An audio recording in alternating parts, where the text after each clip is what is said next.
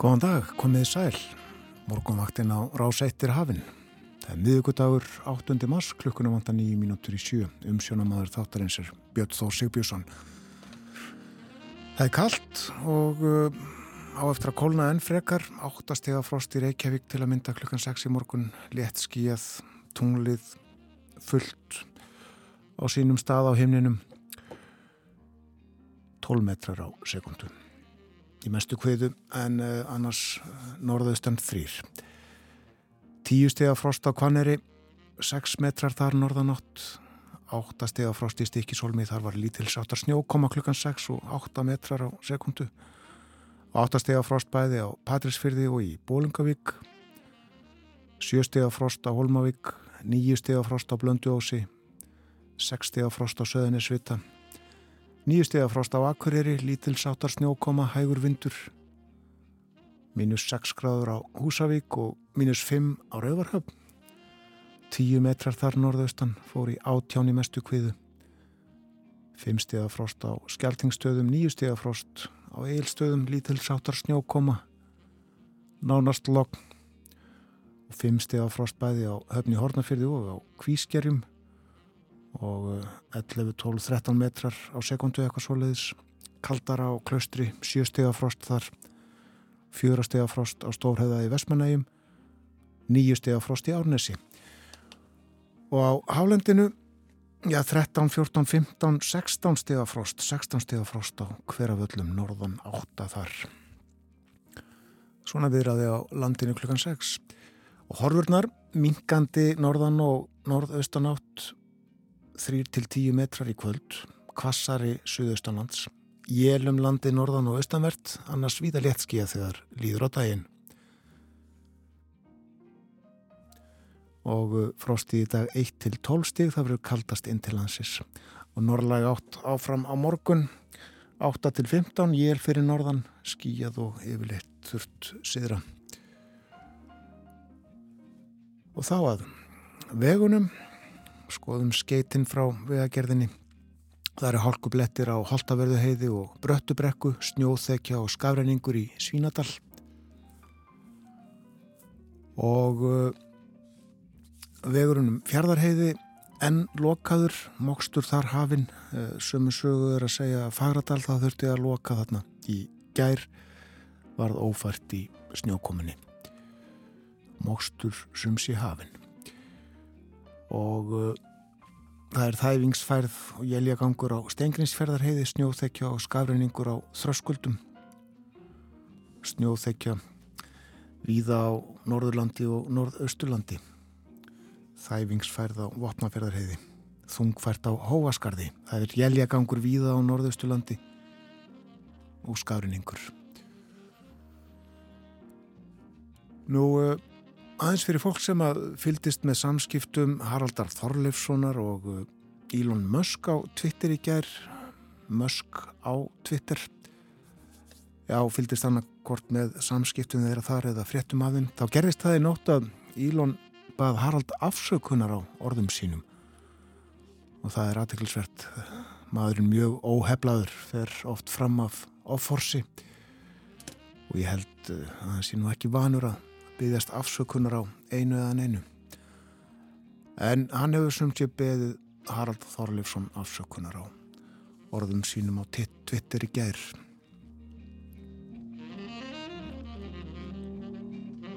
Það er ímislegt á Daskla á morgumvaktarinn er í dag. Við ætlum að tala um húmor. Ásker Brynjar verður líka með okkur í dag. Ætlum að tala um alþjóðleg efnahagsmál og uh, vera verður hér líka verður með mér klukkan hálf nýju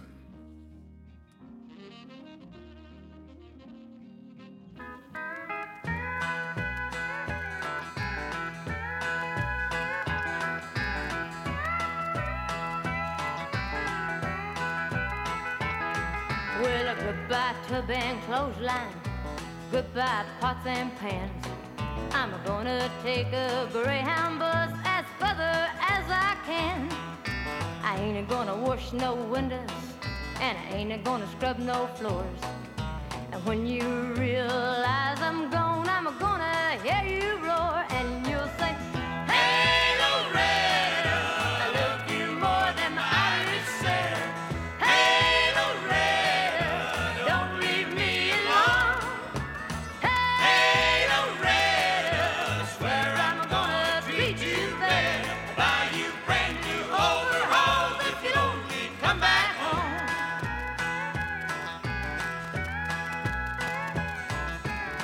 my fingers to the bone, and we don't hardly speak. And all I ever get is a little kiss about it once a week. So you can feed the chickens and you can milk the cow. This woman's liberation, honey, is gonna start right now. And you'll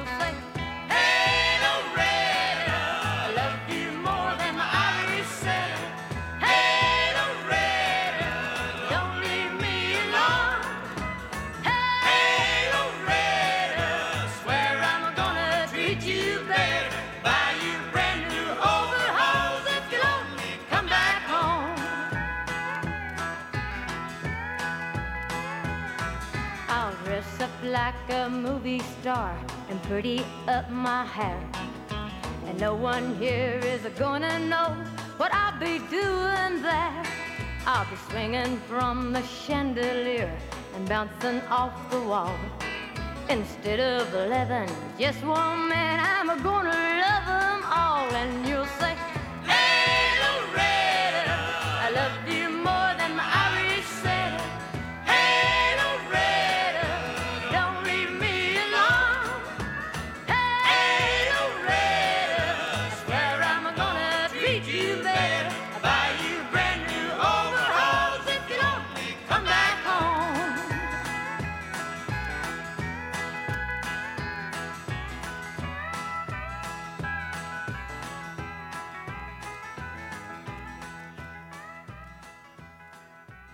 Við hlustum hér á Loretta Lynn, Hey Loretta. Ég elskaði meira en Iris Setter hundin minn, söngun. Aldeilis ástari hjáttning það. Framöndan eru fréttir, kom eftir eina og hálfa mínútu eða svo. Ég fer ítalega yfir dagskrá þáttarins eftir fréttinnar lít í blöð og uh, svo ætlum við að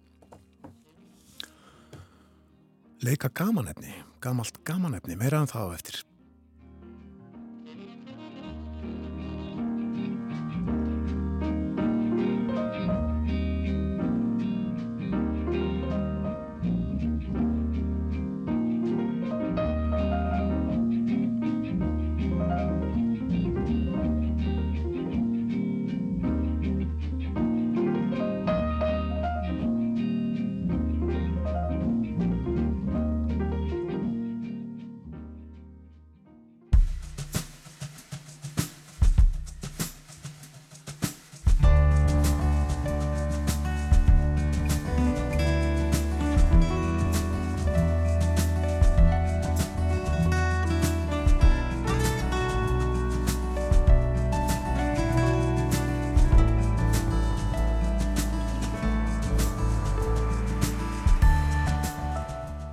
Morgumvaktin heilsar og býðu góðan dag. Það er miðugudagur, komin 8. mars.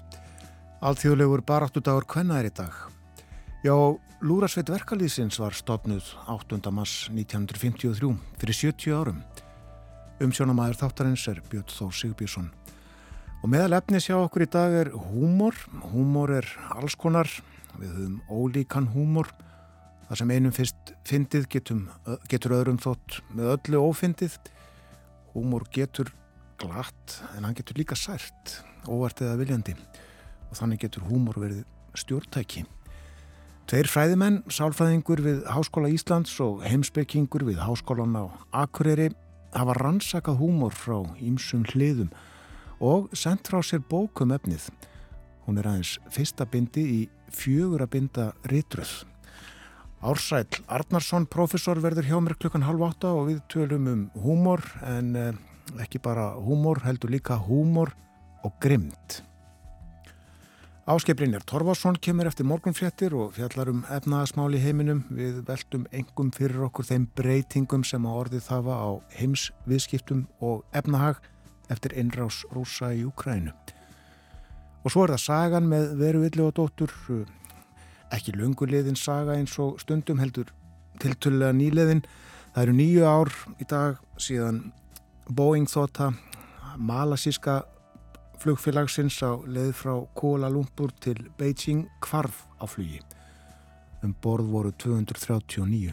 Leitað flaki vélarinnar eh, lengst úti á Inlandshafi, einn umfangsmesta og dýrasta leitaraðgerði flugsögunni, hefur litlum árangri skila til þessa en móni standa til að eh, leitverði framhaldið á þessu ári eða því næsta. Vera segir okkur frá upp úr hálf nýju. Það er kallt á landinu, frost allstaðar, eh, víða 8-9 gráður, eitthvað svo leiðis, 10 steg á frost á Kvaneri klukkan 6 og það verður áfram kallt eða eins og veðurfræðingur segir í huleyðingum ekkert lát hér á köldum norðlægum áttum. Það stefnir í mjög kalda daga yfir helgina, engum inn til landsins, Jæljagangurinn engum bundin við norðan og austanverðlandið en lengri kaplar með björtu og sólríku veðri annar staðar. Og svo er hér uh, skýring, veðurfræði. Þegar loftmassin yfir landinu er orðin þetta kaldur, þá á hann erfitt að halda í mikinn raka og því verður úrkomi magnið ekki mikið.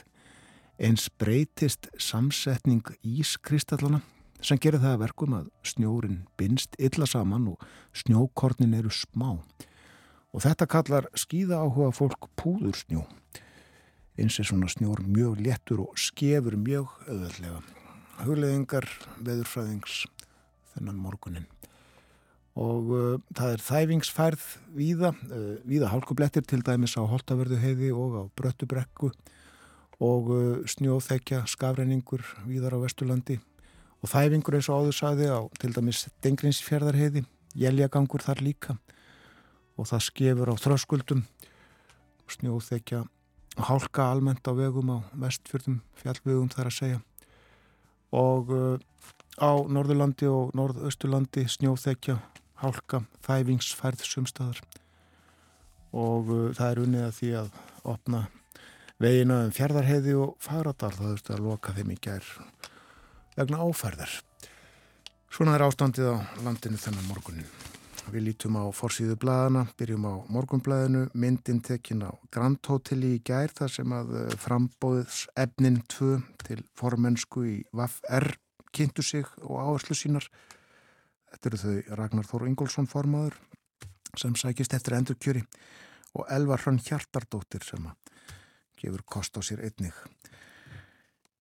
Atkvæðagreislan hefst í dag. Nú uh, talandi um þau mál uh, klukkan tíu þá líkur atkvæðagreðslu um miðlunatillugu sáttasemjara í kjaradeilu eblingar og samtaka atvinnlýsins og allir niður staða líki ekki fyrir bara fljótlega. Má rekna með því og það er fjallað um fastegnamála á fórstíðu morgunblæðsins tala við Kára S. Fridriksson hann er hagfræðingur hjá húsnæðis og mannvirkjastofnun. Og fréttin unnin úr dagmálum sem er uh, viðtals vettvangur orvakus. og það er verið að fjalla meðal annars um leiguþög og segir hér að þau hefur verið reynda á mörgum stöðum en þau geta auðvitlega haft öfug áhrifið það sem þeim er ætlað, þetta er sem sagt mat kára hjá húsnaðis og mannvirkjastofnin og hann segir það skipta mestu máli fyrir leyendur að nægt frambóð sé af húsnaði þá hafa leigu salatnir eh, ekki völdin eins og gerist þegar frambóðið er lítið. Og eh, Kári segir að leiguverð hafi aldrei verið lægra en nú í hlutvalli við fastegnaverð, sjaldan verið læra í hlutvalli við laun og uh, segir að leigu félug og félagslega net hafi sett þrýsting á aðra leigusala. Nú, uh, einnig er greint hér frá því að öllu fastræðinu starfsfólki Listanskóla Íslands hefur verið sagt upp störfum. Það var gert um síðustu mánuðamót. Framtíðin er í óvissu. Um 120 nefndur eru í skólanum. Þannig er að uh, þessi skóli var stofnaður í þjóðlukúsinu 1952, var lagður niður sem ríkiskóli 2006 og aðsaka Guðmundar Helgarssona skólastjóra þá hefur aldrei verið gengið frá fjármögnun námsins en uh, vonir standa til þess að hægt verði að tryggja reksturinn. Við verðum bara að trúa því, segir Guðmundur skólastjóri. Ráðunettið segist vera að vinna í því að koma þessu í lag. Byður um svigrum til þess. Og uh, fréttablaðið uh, miljardur í súgin hjá Sorpu segir hér í fyrirsögn. Stjórn Sorpu hefur ákveðið að loka flokkunastöð sem að kostaði sveitafjöluðin á höfuborgarsvæðinu um 1 miljard króna fyrir engist þremur árum. Stöðin hefur séð gas- og jargerðarstöð fyrirtækisins í Álsnesi fyrir lífrænum úrgangi til moltugerðar en afurðin hefur reynst ónótef. Og það er rætt við Jón Viggo Gunnarsson, frangotastjóra Sorpu. Hann uh, segir ákvörðun núverandi stjórnar Sorpu draga fram að mistök hafi verið gerð. Heppilegra hefði verið að hefja þegar í stað söpnun á lífrænum úrgangi eins og gertir víðra annar staðar og uh, hann segir að uh, ákvörðun fyrir stjórnar séir einn óskiljanleg vegna þess að matalastofnun bendi strax á að, að uh, vinsla með þeim hætti sem að ákveði var að ráðast í, hún geti orðið aldrei söluhæf, þar að segja afurðin úr með þessum aðferðum og niðurstaðan miljardur í súgin. Eins og áður sagði þá ætlum við að fjalla um húmor setna í þættinum, gerum það eh, strax hér upp úr hálf átta. Þá verður hér Ársæl Arnarsson, professor við Háskóla Íslands sem hefur skrifað heilmikið fræðiritt um húmor og eh, af þessu tilhefni þá ætlum við að eh, sprella þess hér næstu mínútur fann til nokkra grínþætti og við byrjum á henni Bippu. Jú, Bippa hér, fyrir gæðum var það er ég á sæn. Já, já, þú ert alltaf sæn, Sigur. Hvað segir þau? Nei, nei, ekki svo. Ég held ég hef ekki drukkið nefn í mestanlegi sjöbodla á kaffe á með ég beði eftir þér. Jí, ég fann líka svolas kaffeilum en alveg niður í stigagangi. Ég sagði við húsvarinn þar að hjálpa mér inn að leftuna. Já, ef mér langar ekki að kaffa þá veit ég ekki hverjum langar að kaffa. Ég segi ekki meira átt og nokkuð tíu. Nei, nei, nei, nei, svona segir maður ekki, Sigurbjörn. Nei, fyrir ekki, af því ég ætla nú ekki að vera sníkja þetta í að kaffe. Nei, ég átti við, þetta er ekki rétt orðað hjá þér. Já, þú meina það? Já, nei, maður á auðvitað að segja, ef ég langar ekki, nei, ef ég langar ekki, nei, byrju, ef minna langar ekki að kaffa, þá veit ég ekki hverja langar ekki að kaffa. Nei, hérna, byrju nú við. Nei, veistu, ég var með þetta alveg eitthvað starf. Sigurbjörg, leiðu mér nú að koma að það hérna.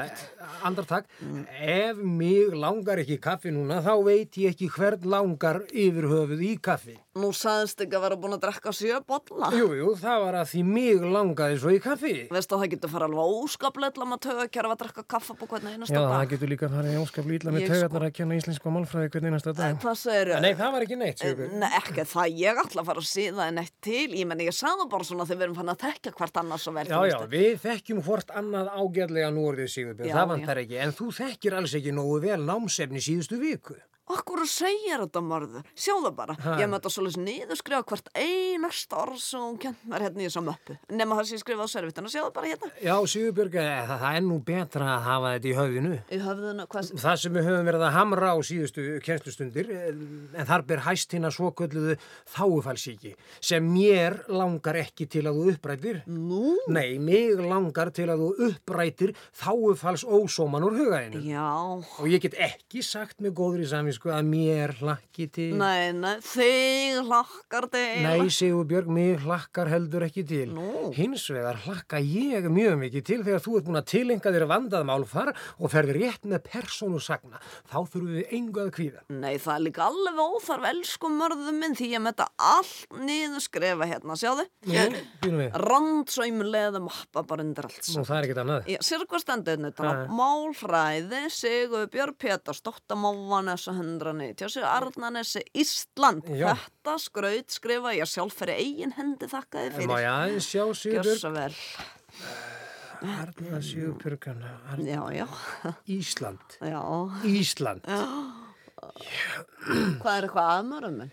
Sjöbjörg Já Þetta hef ég aldrei séð áður. Í alvöru mörður, bara aldrei. Nei, Sigur Björg, aldrei nokkur tíma, aldrei, aldrei. Ég trúa þess ekki, veistu, ég fann nú bara hjá mér á ég trúa því að ég sé einu nefnandi þess að skila þessu svona. Já, Sigur Björg, þú ert fyrsti og eini nefandi minn sem skrifar Ísland með uppsilóni. Hvað segir? Og eru þá allir hini með þetta vittlust? Sigur Björg, Ég andartak. segðu mér, hvað gerir hann núna, þessi sem kendi réttritun í barnaskóla? Hann friðbjörn, Já, hann Friðbjörn. hann er prófessor í háskólanum. Ekki þó í íslensku. Nei, nei, í þrandheimi. Hann vissi sko hvað var að kenna manna friðbjörn sko. Get, þessi kennara nútutast þeir koma sko ekki í skóna þar sem hann hafði hælana. Nei. Ég mér ekki taka þetta persónulega Ég viss um það, Sigur Björg, að kennarar á okkar dögum komast ekki með tærnar þar sem hann Friðbjörn hafði hælana. Það eru gerðar svo ólíkar kröfur nú á tímum. Já, hann var nú alveg sérstak og nottlan friðbjörn. Sko ég gleymi þetta alltaf ekki að vorum að borða nesta okkur og las for okkur sögunu litlu stúlkunum með eldfærinarn eftir Hans Pettersen. Ömmu sína byrtast í bálunu sem var dáin. Hann gati ekki klára söguna fyrir ekka. Sigurbjörg, eh, heldur þú sért ekki að rugla saman tveim-. Nei, nei, nei, sko hann var eitthvað svo hann. Bibba Gísli Rúnar Jónsson og þetta Björgvinsdóttir frá 1989 það verður reyna að kenna okkur að tala almennlegt mál með þessum þáttum á sínum tíma förum uh, lengra aftur í tíman hér eru Gísli Rúnar Jónsson og Randverð Þorlóksson Úlend Úlend Off Já, halló? Já, halló. Já, eh, er þetta hjá Bergi Jónssoni barnakennara? Já, þetta er hann. Hver er þetta? Ég komdu blessaðu Bergu minn. Þetta er Engilbert Guðmundsson, tilvonandi alþingismæður. Engibert, orðandi hvað? Manstu ekki eftir mér? Gamalt nefnandiðin úr barnaskóla? Ha? Í hábekknum? Þriðja borðið gluggaröð, Engilbert, manstu ekki? Þriðja borðið gluggaröð? Já, já. Já, er þetta Berti Ólæsi? Erst þú nú á leiðin á þinguðu mig? Berti Tossi?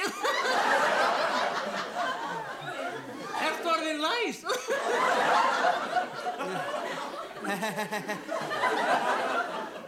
Ertu hættur að míg undir? Bergu minn, ég ætlaði nú bara að minna þig á kostningarnar um helgina. En Berti litli, ertu ennþá jafn rámgeður? Bergu minn, ég ætlaði bara aðtóka hvort ég ætti ekki vísan stuðning gamals kennara. Segðu, ertu ennþá með vottorði leikumi? Já, ég þakka þér fyrir Bergu minn. Þú manst að krossa rétt við. Berti blettaskallið. Allt í lagi, Bergu minn, þakka þér fyrir. Ertu býta, ertu býta, ertu hættur að skrolla? Berti vera með skíti í eira. Segðu, segðu rómensku rittar í restin í Rómaborg. Nei, blessaðu Bergu minn, við sjáumst á... Svo, svo komdu með það, komdu með það, rænat og rupplandi ratísum og róum. Halló? Halló? Það er að fara.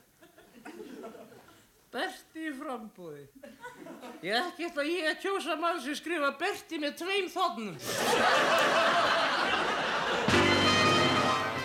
Úlend Úlend Off uh, dæmi um uh, grimd í húmor, held að það sé ótt að segja það. Við ræðum þau mál á eftir. Ársæll Arnarsson, professor við Mentavístasvið Háskóla Íslands verður hér, allar að segja okkur frá bókinni nýju sem að hann og uh, félagi hans professor við Háskólan á Akureyri hafa skrifað meira en það á eftir uh, aðeins meira grín. Hér er þeir Karl Ágúst Úlsson og Siggi Sigurjóns.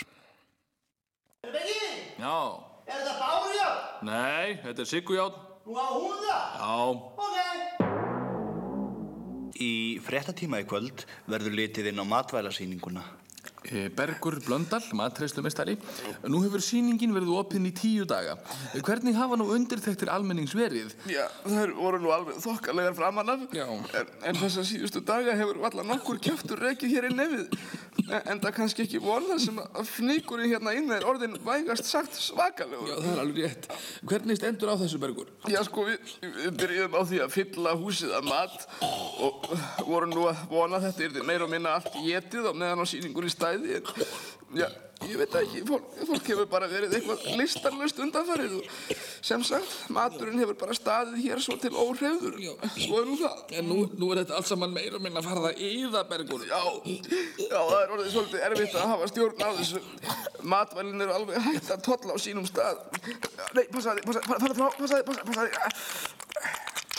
Hvað er þetta sem leipur þarna? Það er rækjuhlaupið. Samúð þegir, já.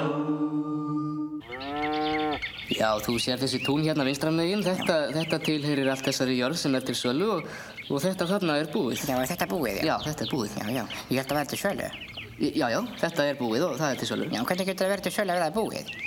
Sko, þú sagðir að þú hefur áhuga að kaupa og, og þetta er búið. Já, er það búið að selja það? Nei, nei, það er ég sem er að selja það. Já, já, já, en hvað er það búið?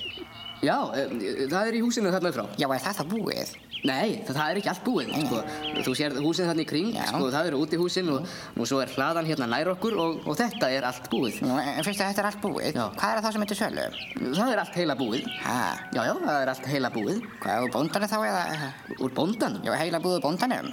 Heila búið? Já, ertu ekki að segja allt heila búið verið til sölu? Nei, nei, það, það er búið. Nú, er það búið? Hver gifti það? Nei, það er ekki búið að selja það. Nú, mér hefstu segja að það verið búið. Nei, nei, nei, það er ekki búið. Nú, er það halvklárað? Ha, nei, nei, nei, það er allt tilbúið. Nú, ertu ekki að segja að það væri ekki búið? Já, já, nei, nei, það, það er ekki búið hérna lengur. Já, en er það það búið? Já, já, það er allt klárað. Já, já, en er það ekki það sama? Sko, ég skil ekki alveg hvað við erum að vilja hinga fyrst að þetta er allt búið. Æ, nei, ég held líka að þetta sé búið. Hvað? Þetta atriði? Já. Næsta, næsta, næsta atriði. Hér á göngum útvarpshúsins rekumst við á Berg Bergson undir leikara. Segðu mig Bergur, hvað ert að gera undir þessum leikara? Eins og flestir vita er væntanlegur nýr peningaseðil og er það 5.000 krónar seðil. Eh, Segðu mér Jón Norberg, bankastjóri, eh, hvað er það helst við þennan nýja seðil sem telja má merkilegt? Já, það er nú fljóttill að svara því. Eins og þú sérð þá hafa peningasalar undanfærinni ára verið skreittir körlum. Þú sér hérna Árni Magnússon, Jón Sigursson, Guðbrandur Biskup og fleiri góði menn.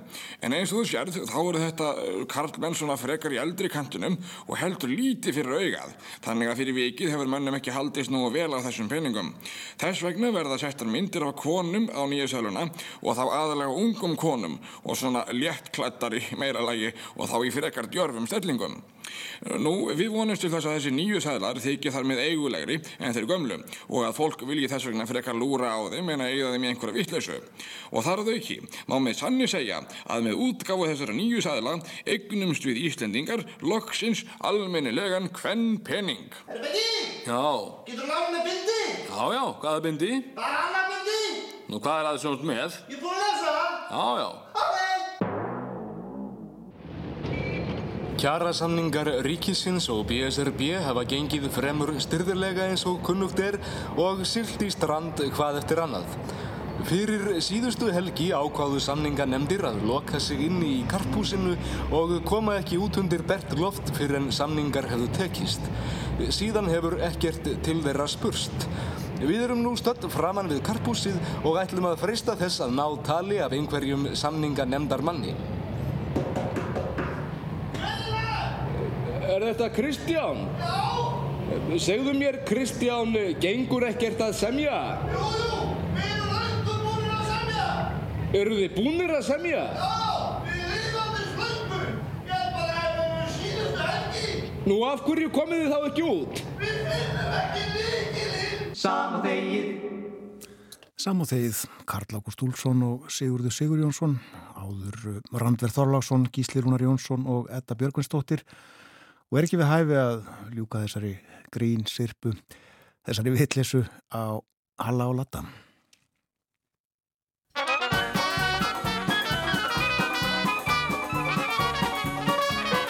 Ég fór að kappbói mynd í gær, spennan var gífuleg, ég var nær, að spenn og hrifning salurinn þagði þegar aðal í myndinni kom inn og sagði Ég er Rói Rækis, ég er sætur og klár Hún har verið í þessum bransa í 17 ár. Ég eldist upp bófa á ræningja og kem þeim í hendur á fótjeta Ég er valdi ég með bóaflokk í banka og svolítið snakk Rupp og ræni út um alla trissur Rossbíf og reymalaði fóröld og hrissur Skíti í bakið burtu ferðu ah, Þarna sérðu Ég, Indjóni, rútmaður, ég líka businessmaður, skeraði, skallan, þurrka og herði, ser þeim aftur á uppbrengtu verði. Leikurinn gerist í litlum bæ, þar sem lögum og reglum er kasta á glæ. Þeir reynda að fá Rói til að róa liðið, rippandafóringinn stóð við liðið. Hvaðan mann ég eftir þessum fjesið? Hvað er þetta að gera hér?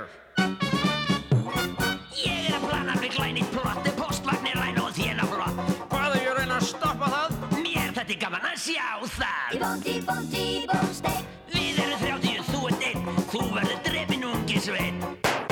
Svona verður það haft. Þú getur ekkert nema reyfið kjáft.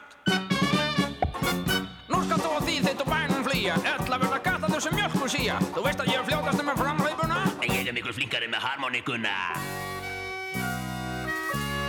Nú kom hér svo ég fekk með smók, salta popcorn og kalda kók. Svo þegar ég kom aftur inn, var Rói kominn heim á búgarðinn. Hér er ég komin til að skipta um föt. Þess eru skýtu og allstaða gött. Ég ætla að fara í stört og vera snöggur að. Þetta var mjög snögt bað. Hvað er leima svona fast? Stúka sem þú lofaðir að trúla vast. Þú og breyst, þetta er engin minn. Er ég eitthvað kindaleg? Hei, eins og kinn.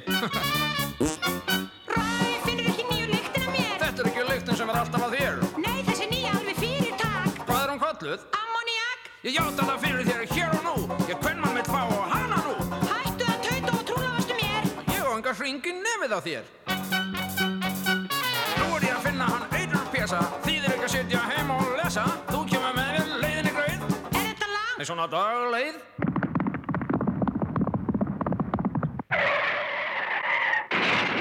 Þá erum við loks á áfangastað. Pjess og þeir vita ekkert um það.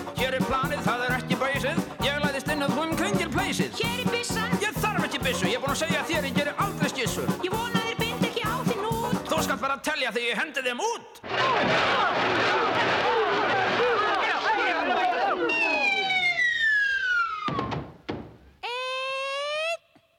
Hætt að telja, þetta er ég!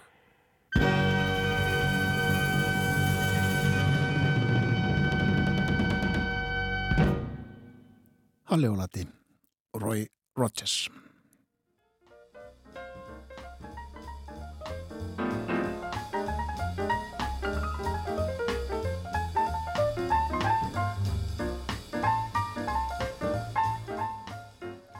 Hús Krabbaminsfélagsins við skóarlíðina er fagurlega upplýst í fánalitunum.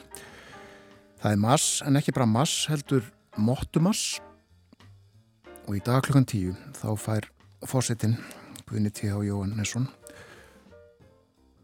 nýjust útgáfuna af mottumass sokkunum. Hann fær fyrsta parið sumsi klukkan tíu í dag og uh, mun líklega klæðast þeim Næstu daga á vikur, hann er jú uh, þekktur fyrir uh, skrautlegu sokkana sem hann gengur í hefnan í Mottumars.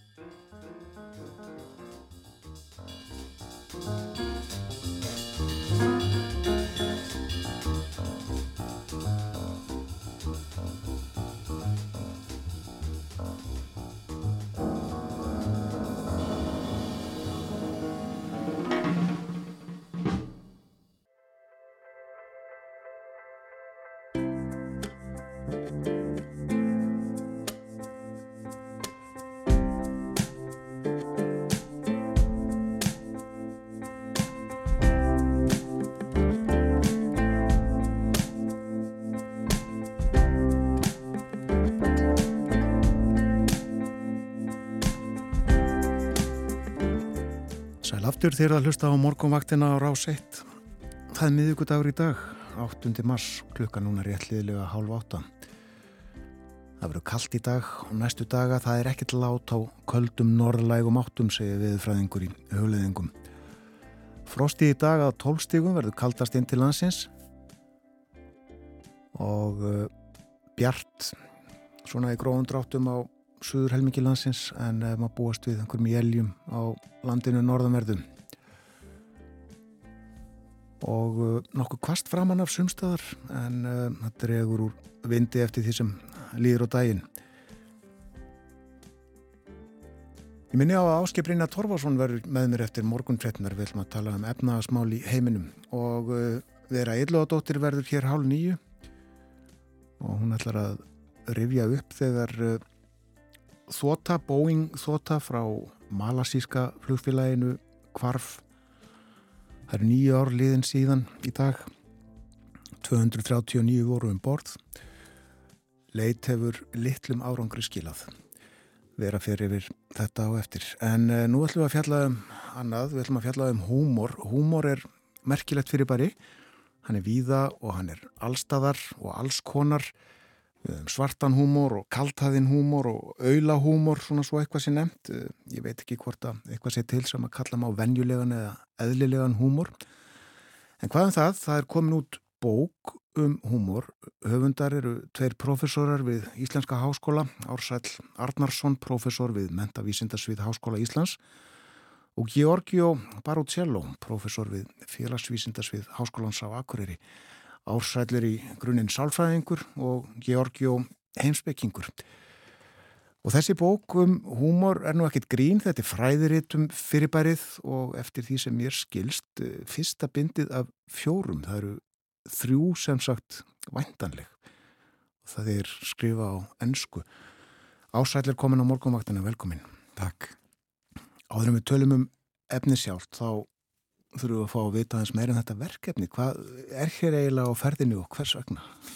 Já, þetta er, hérna, þetta er búið að vera langt verkefni eins og, eins og fjögur að binda til kynna þá var þetta ekki hrist fram úr erminni en e, það var nú Giorgio félagiminn sem að, hérna, kom þessu á koppin Uh, hafði, það, það er til sagt, félagskapur sem eru sagt, heimsbyggingar sem hafa áhuga á, á húmor sagt, og, og, hérna, og pælingar um það hvernig, hvernig hann virkar.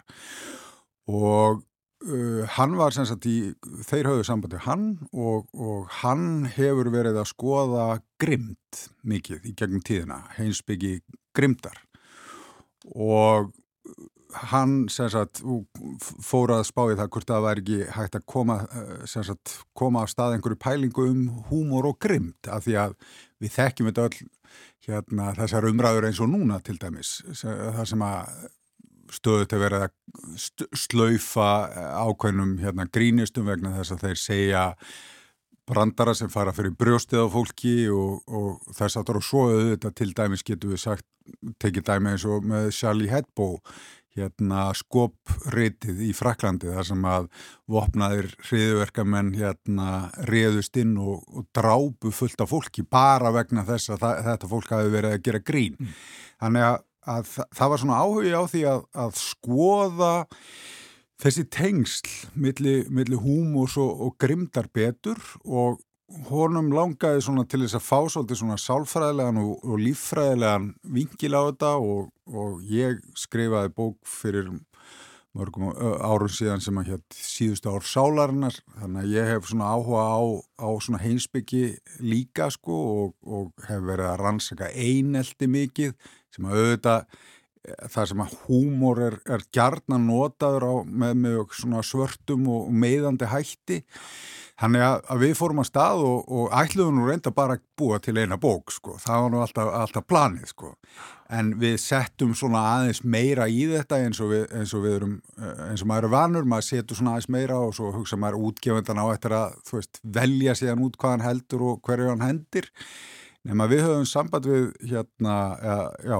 samband við Dick Greuter sem er, sem er eitt af elsta útgáfufyrirtæki í Evrópu og þeim leist svona bara vel á þetta og vildu að við bættum í sko þannig að við setjum uppi með þetta er svona, þetta er svona svarti brandaran í þessu öllu saman við ætlum bara að taka einhvað svona létt verkefni og svo enduðum við í fjórum bindum sko. Setjum álpartin í súpunni Já, já, við gerum það Er húmóranas uh, vel rannsaka fyrirbæri? Já, sko, það, það eru ákveðnir e, sálfræðingur og hinsbyggingar sem hafa skrifað um húmor. Freud til dæmi skrifaði talsvægt um hú, húmor, franskur hérna, hinsbyggingur líka sem heit Bergson sem að, sem að skrifaði talsvægt um þetta en, en, en svona þetta er samt fyrir utan svona megin ströymana og sennilega veist, er þetta of léttúðugt verkefni fyrir alvöru akademikra þarf einhverja svona kjána eins og okkur til þess að takast, takast á þetta. En, en, en þetta er samt sko uh, og, og, og málið er kannski að það er ekkert sérstaklega auðvelt að skilgrena hlutina, skilju, hvað er húmor? Er, er, er það húmor til dæmis að að hlæjaði bröndurum þú veist, hef ég góðan húmóra því að ég hlæð þegar að mér er segðið brandari eða er það vegna þess að, að ég segi brandara? Veist, við þekkjum öll sko dæminum það þú veist, gamanleikarna og allt það sem eru hundleiðinleir skilur, en segja rosalega vel frá, en er alveg ofbóslega leiðilegt fólk, skilur, þannig að hvað er góður húmór og, og sko það er mjög áhugavert að Þetta, þetta hugtak húmor það er í raun og veru kemur úr sko vessakenningu ford grískrar læknisfæði það sem, að, það sem verið að horfa á það að líkaminn sé samsettur úr vessum það er hérna svartgall og gullgall og slím og blóð. Þetta þurfa að vera í einhverjum balans. Það, það var svona undirstöðu atriði í, í ford grískri læknisfæði og þetta heitir húmor þetta er bara vessi og, og læ, læknisfræði mentað fólk þekkir þetta, allir þeir sem hafa að lesa líffærafræði, það er fullt af húmor í líkamann það er húmor í forhólfi augans til dæmis. Það sem að, þú veist, þannig að þetta er gamalt hérna latnist heiti, þannig að ég held að, að sko fyrsta sagt, fyrsta hugmyndur um húmor hafi verið í raun og veru bara manneskja sem er í góðu jafnvægi. Að hafa góðan húmor er þá bara að vera með þessa vessa í, í góðu jafnvægi Við þekkjum þetta, þessa vessakenningu til dæmis eins og svartagalsraus, skilur, það, það er út af því að, að sko svartgall er melankólia, ekki sagt, og það þekkjum við líka, skilur. Þannig að það var að tala um það að þetta væri í raun og veru ástæðan fyrir þunglindinni, þunglindi, að það væri það að það væri einhver uppsöfnun á þessu, þessu svarta galli. Og, og, og svo sagt, þróast þetta í raun og veru bara fyrir svona 200-300 árum þá fara mann að tala, tengja húmor við sko einhvað fyndið, einhver, einhverju kymni en aftur, það er mjög, mjög óljóst sko hvaða er að vera með góðan húmor. Já, þið hefði ekki komist að niðurstuðum það? Nei, það, það er sko við veltum, veltum öllum, öllum steinum við sko og, og hérna og það kannski, kannski er þetta, er þetta einmitt þetta. Þetta er ákveðin jafnvægislist og það sjáum við einmitt þegar við förum að skoða svona grimdina í þessu vegna þess að, að þegar maður er að gera grín þá er maður alltaf að gera grín að einhverjum eða einhverju. Maður getur gert grín að sjálfu sér það, það, það er alveg, alveg uh, margi sem að, sem, að, sem að gera það en það, þú gerir alltaf grín á einhvers kostnað. Og, og við tökum, við tölum oft um húmor og oft þegar ég heyri fólk tala um húmor og þá, þá er það undir þeim formerkjum að þetta sé alveg rosalega jákvægt fyrirbæri skipti mála þessi húmor á vinnustöðum húmor millir vina, húmor í sambandi og svona, en húmor er eins og, við förum aftur sko, það, þetta er jafnvægis list og jafnvel þetta fólk sem að gera mikið grína og bara eiginkostnað og, og svona, þykir nú oft svona betra að gera það að það kostar fólk alveg. Þannig að sko þú fólk horfir aðeins um, til því með neikvæðari augum mm. þegar þú gerir mikið grína af sjálfum þér þú ert kannski bara að leta stemninguna eða eitthvað svolítið, en það kostar alveg og ég held að við þekkjum alveg öll dæmi um svona fólk sem að, sem að gerir aðeins of mikið maður svona, ha, herruðu hérna þetta er nú kannski full langt gengi, skilur, þegar þú ert að gera grína á sjálfu þér, skilur, þannig að þú gerir of lítið úr, úr sjálfu þér. Já, já. Svo breytist þetta, við hlægjum nú ekki mikið að íslenskri fyndni er frá meðri síðustu öll í dag. Nei, þetta er náttúrulega, það voru náttúrulega gefnar út þessar bækur sem við konumst við, þessi svona sem er orðin eldri og þetta var mjög sérstakur húmor sko og og ég fyrir mín, mína parta bara alls ekki fyndin sko. En, en það er líka sko það eru, það eru breytingarnar í, í húmór sko og, og við sjáum þetta með þessum sko samfélagsbreytingum með, með meiri réttinda baróttu í, í misa jáðarhópa sem eru bara komin í fullsatafélagið sko, búin að fá nóg af því að, að það sé sífælt verið að gera grín á, á þeirra kostnað Og, og margt af því sem að við erum að, þú veist, sem að hefðu verið látið ganga fyrir 20 árum síðan, það bara, það bara all, þrýfst ekki í dag, sko. Nei. Það er einmitt breyst mjög mikið núna bara örfáum árum og þessari öldu, nú er mjög margt óviðigandi sem að þótti í lægi fyrir stuttu síðan. Algjörlega. Og það er svolítið skemmtilegt, sko, að, að, að hérna, mikið af svona svona uppistöndurum og svoleiðis erlendis, þeir, þeir gangast mikið upp í því að þeir séu svona svolítið edgy sko, þeir séu svolítið svona á brúninni alltaf, alltaf svona að, að, pikka í ráðandi öll og svoleiðis, en þegar þú fer að skoða þetta, þá er það alls ekki þannig. Það, sko, uppistandarar eru allra jafna sko málsvarar íhaldsamra abla í þjóðfélaginu. Þeir eru yfirleitt að sko gera lítið úr jáðarhópum, gera lítið úr þeim sem að minna mega sín og yfirleitt að sko festa í sessi þessa svona íhaldsömu mynd sem að, sem að af, af, af þjóðfélaginu. Fer, ferða aftur, horfða á sko gömur stand-up með e- Eddie Murphy, skilur. Hann er, að, hann er að gera grín af konum, hérna, samkynneigðum, fölluðum svo framvegis og svo framvegis. Þannig að þetta er ekkit, það er ekkit þú ert ekkit á brúninni, skilur við þú ert í raun og veru bara að halda fólki niður og það er auðvitað líka það sem að húmór er oft notaður í. Það er að, að, að halda fólki niður Já, hann er stjórntæki.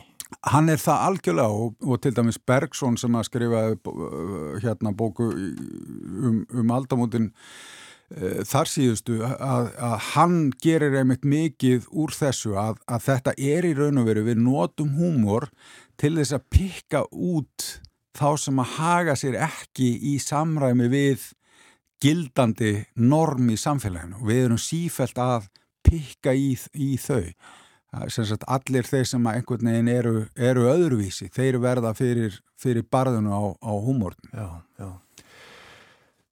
Húmor er notaður uh, í mist tækifæri, er hann notaður í sálfræðinni? Já, svona ekki, ekki held ég sem sko beint svona þerapjútist tæki.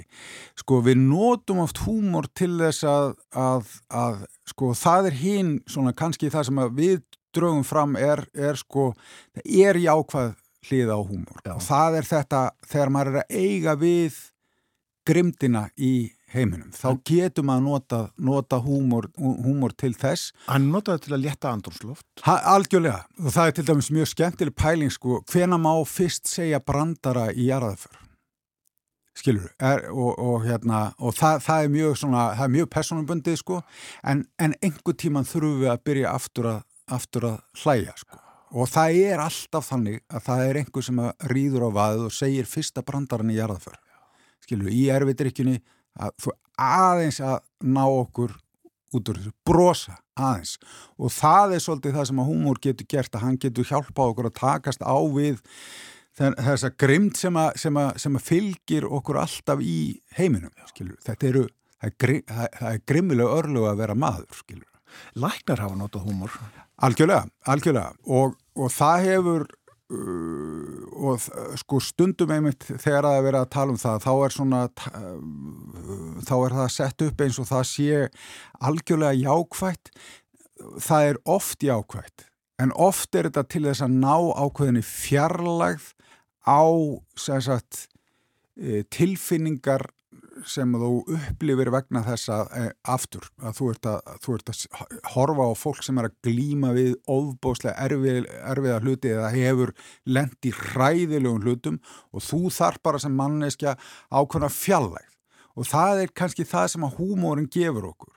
Að hérna, að við reyn, sko, ég held að til þess að takast á í lífið að þá það maður annarkvört sko trú, þú veist, maður þarf að trúa því að allt fari vel og ég er ekki að tala um trú sem sagt í svona e, e, venjulegum skilningi, heldur bara trúna á það að allt fari vel og þetta skipti einhverju máli. Mm.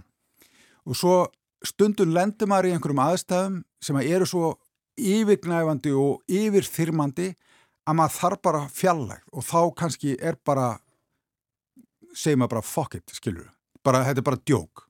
Og, og þá veitir húmorum manni ákveðna svona laust frá því, en það getur síðan verið, verið, verið tvíbent vegna þess að, að ef að til dæmis heilbriði starffólk temur sér svona ákveðna kaltæn og ákveðna fjarlægð þá auðvitað uh, þá auðvitað veitir þá, þá vantar kannski samúðina og samkendina Kaltæðið mitt uh, Það er stór hættilegt fyrir bæri.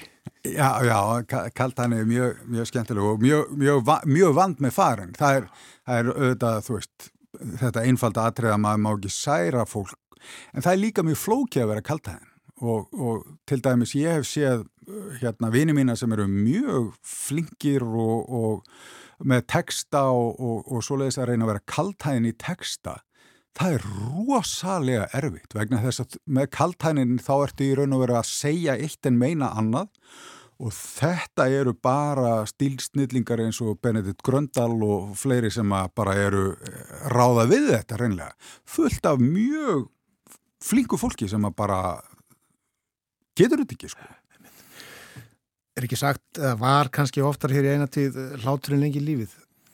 Jú Heldur hann gerir það? Já, sko, það, það er svolítið erfið samt að, að, að sko segja til um orsakirnar vegna þess að maður hugsa sko fólk sem að hlæra mikið, það kannski því bara líður betur, skilur, það er, það er erfitt að hlæja þegar það er, líður alveg rosalega illa, sko. Þannig að, að jú, jú, ég, sko, ég held að húmor skipti rosalega miklu máli og ég held að, sko, jável þó hann hafi ákveðna svona myrkar hliðar þá, þá held ég að það sé mjög mikilvægt að, að halda í hann vegna þess að við sjáum það þegar að fólk missir húmórin fyrir að taka sjálft sig mjög alvarlega að þá verður þú bara þunglindur og kvíðin og, og, og þess að þú verður að hafa, þetta er ákveðið kæruleysi, húmor er ákveðið svona kæruleysi og, og það er bara svolítið nöðsynlegt að hafa, hafa það. Ef maður tekur sjálfan sig of alvarlega þá einhvern veginn enda það alltaf í tómum leðendum. Já.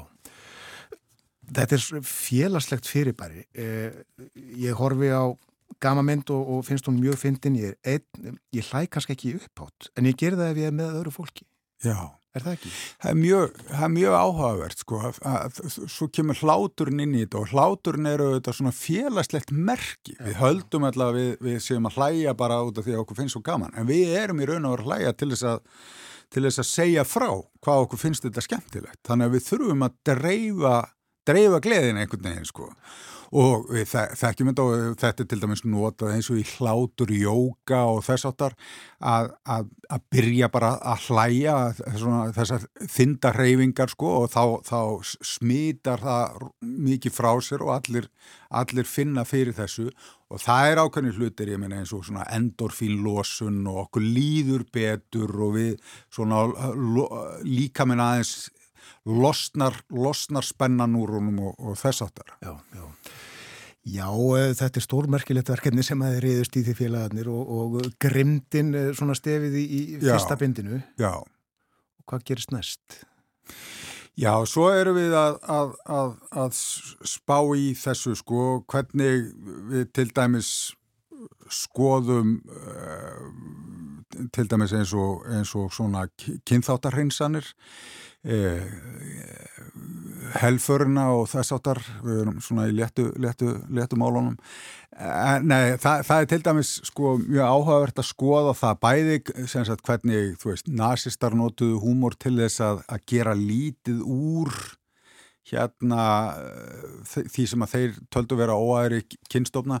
Og þú sér það og það er svolítið svona áhugavert að, að stundum eru svona ofbeldis fólk að reyna að vera fyndið og þú og það er ekkert fyndið, þú finnur bara grimdina og, og, og þú veist, og skopmyndir nazistana eru svolítið á, á, á þá vegu, það er ekkert fyndið þetta, þetta á að vera einhvað fyndið það finnst þetta yngum fyndið, þetta er bara þetta er bara ruttalegt og grimmilegt, skilur við og svo er það á heimbóin að þá eru við til dæmis að skoða húmórin meðal gýðingana sem að voru í útrýmingabúðunum. Það er rosa merkileg, merkileg, merkileg pæling sko, því að þar er alveg svakalega, sko húmór, húmór gýðinga er mjög, mjög þróað fyrirbæri. Þeir hafa, þeir gera mikið grína sjálfum sér og, og við þekkjum þetta náttúrulega sem að höfum verið að fylgjast með hérna gaman myndum og, og uppustöndurum og svona, það mikið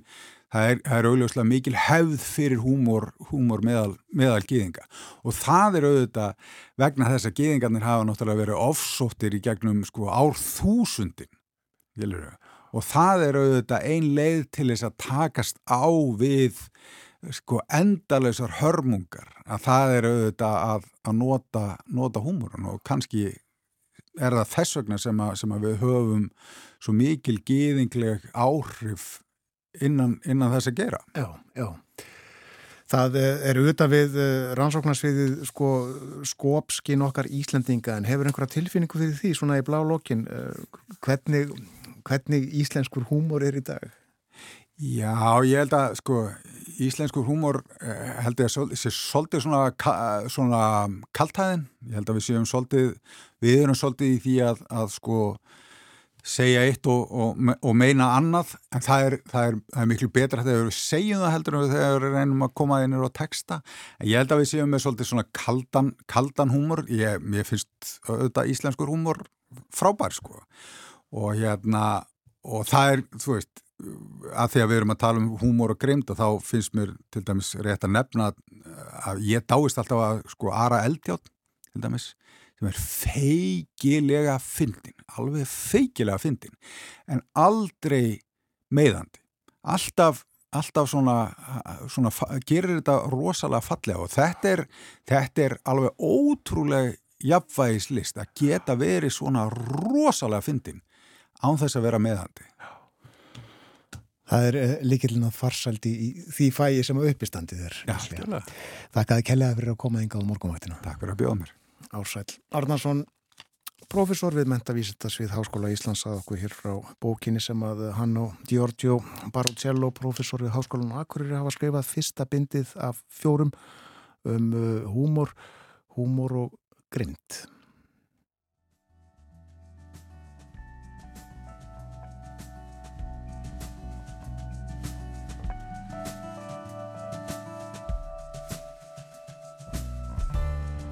Klukkunum vanta 5 minútur í 8, við fáum fréttir frá fréttastofinu á slæðinu 8. Eftir þær verður hjá mér áskil Brynjar Torfarsson við ætlum að tala um efnaðasmál í heiminum.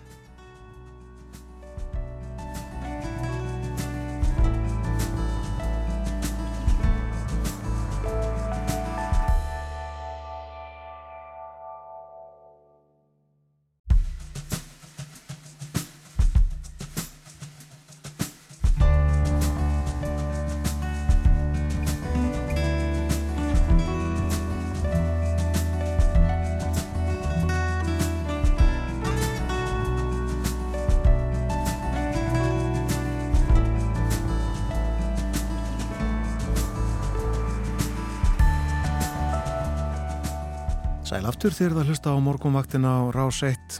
Það er miðugudagur í dag, vinnuvikan hálnuð um það byll 8. mars. Og klukka núna 6 minútur gengin í nýju. Við fjöldum um húmor hér áðan. Fræðiritt heilmikið sem er komið út um húmor. Höfundar Ársæl Már Arnarsson, hann er profesor við Mentavísindasvið Háskóla Íslands og Giorgio Barucello sem er profesor við Félagsvísindasvið Háskólans á Akureyri Efnið í fyrsta bindi fjögra bindaritraðar uh, húmor og grimd, skop og skeppnuskapur.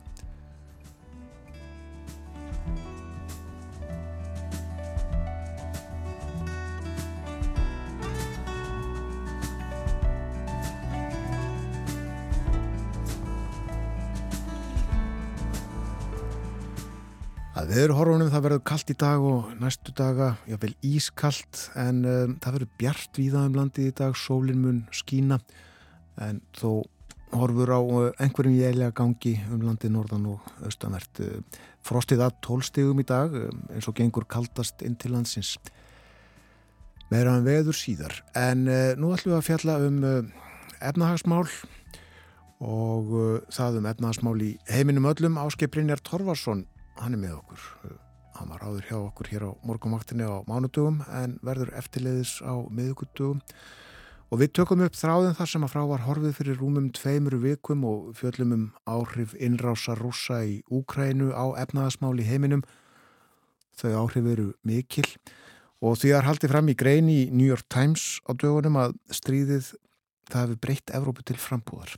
Rússar voru umsvega miklir í alls konar milliríkja viðskiptum í mist uh, rúsneska ríkið eða fyrirtæki í eigu rúsa En nú eru þau viðskipti öll meira að minna á ís og það er ólíklegt að þau komist á á ný á næstu árum. Og þetta þýðir að aðrir þurfa að finna nýja markaði fyrir útflutning og eins að kaupa tilteknar vörur frá öðrum löndum en Rúslandi. Góðan dag á skeplinir. Góðan og blæsaðan daginn. Já, það er mikið að gerast, allt, allt á reyfingu einhvern veginn. Já, það, við lifum svona mikinn óróa tíma og það er náttúrulega vaksandi bæði þjóðurninsíkja og, og átök svona stórveldana en það sem ég fannst einna merkilegast og þetta var grein í New York Times. Þú veist venjulega er ég að vísi Financial Times sem ég lesir reglulega í 20 ára og stundum Bloomberg en, en það að sko ameríska hliðin sé að sína fram á hvernig Evrópa er búin að breytast. Eh, er svolítið, já, merkja því það náttúrulega stríðið er þar í bakgarðinum og bandaríkjumenn eru náttúrulega samt að koma með mest í stuðning í krónutölum.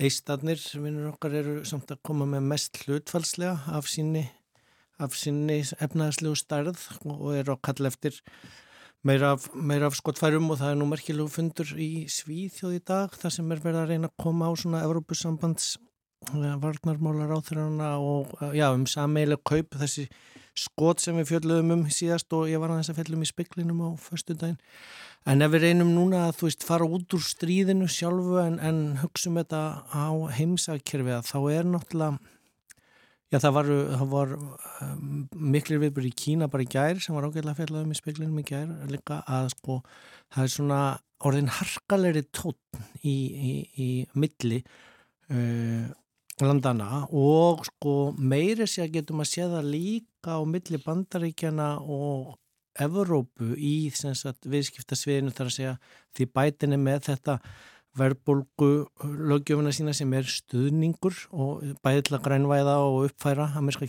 kerfið og líka til að flytja heim örgjörfa framleiðsluna. Og, og, og það var í morgun í fréttonum sko að Volkswagen, þíski bílaframleiðandin ætlar ætlar að framleiða öll batteríin í ramagsbíluna sína í Ameríku því þeir fá 10 miljardar dollara stuðning frá henni kapitalísku ríkistjórn þannig að við erum að sjá um, rosalega mikla breyting á prinsipum og svona gamalli hefðum hvernig maður lítur á frjálslinda líðræði og, og Um, Opin viðskipti eru samt alveg eh, ennþá í fullu gildi en það er svona, við töluðum einhvern tíman í fyrir um orði frá henni Jellenum friendshoring, vinavæðinguna og núna er svolítið svona já, klemman fyrir Evrópu sem var svona á milli Ameríku og Kína, nú er þetta þess að vestna milli bandaríkinu og Kína.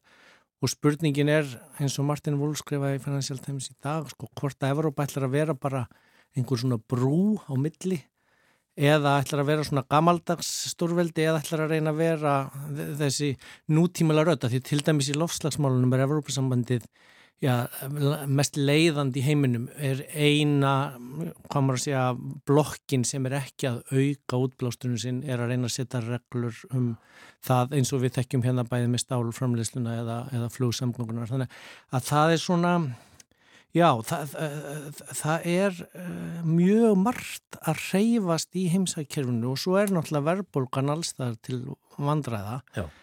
og svo þarf að fara í hellings hernaðarframleyslu.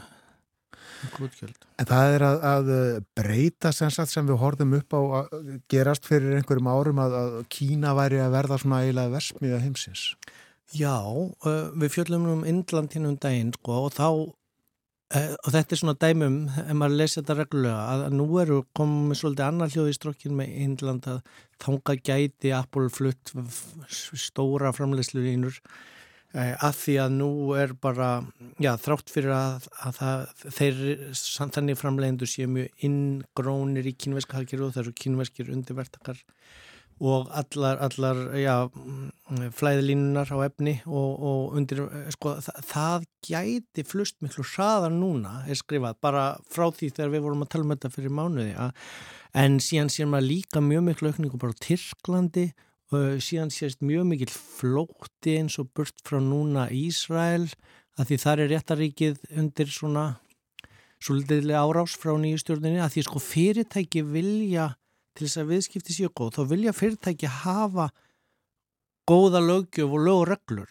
Það, það, það er grundvöldurinn að góðum og hagsalum viðskiptum, að, að það sé góð rammi og önnur fréttur fannast til í morgun, það voru svisneski bankar sem voru að segja frá því að kínveskir viðskiptavinnir var orðinir óróleir um einstæðuna sínar í svisnesku bankunum hvort þær væri örugar, að að, þannig að sérðu sko þegar að, það komi fordæmið eftir Úsland og fristingu óleikarka eignana í Európu og svo er uh, hérna svona tókstreitan millir Bidens og Xi Jinping aukast og fyrirtækin að draga sér út úr sérstaklega Hongkong en líka, líka Kína að, að þá fara ríku kynverðarnir að aðeins að já, svona hugsa þessu umbyttu er, er, er, er þetta hægt núna? Hérna, hvað er best að vera? Þannig að þetta er svona þróunin sem við sjáum yfir í svona markpóla heim. Það er ekki tveggjapóla eða það sem bandaríkinn voru einhvern veginn bara leiðandum allt eftir fall hjá tjálsins en, en náttúrulega sko Evrópa samt var byggð á þessari gömlu ef ég má koma með svona smá heimsbyggja meðgóðasmöndir, Kant saði sko Eh, 1795 heimsbyggingurinn Immanuel Kant sem var nú frá Prúslandi í mjög merkilegri grein hefur maður fjallum sko endalust stríð eða sem stríð sem maður sér ekki fyrir endan á. Og, og, og þá var til að kantsa því hvernig maður geti séð fram á endalusan frið. Og það er mjög einföld kenning frá heimsbyggingunum gamla. Við þurfum að hafa löglandsins byggð á samningi sambandsríkja.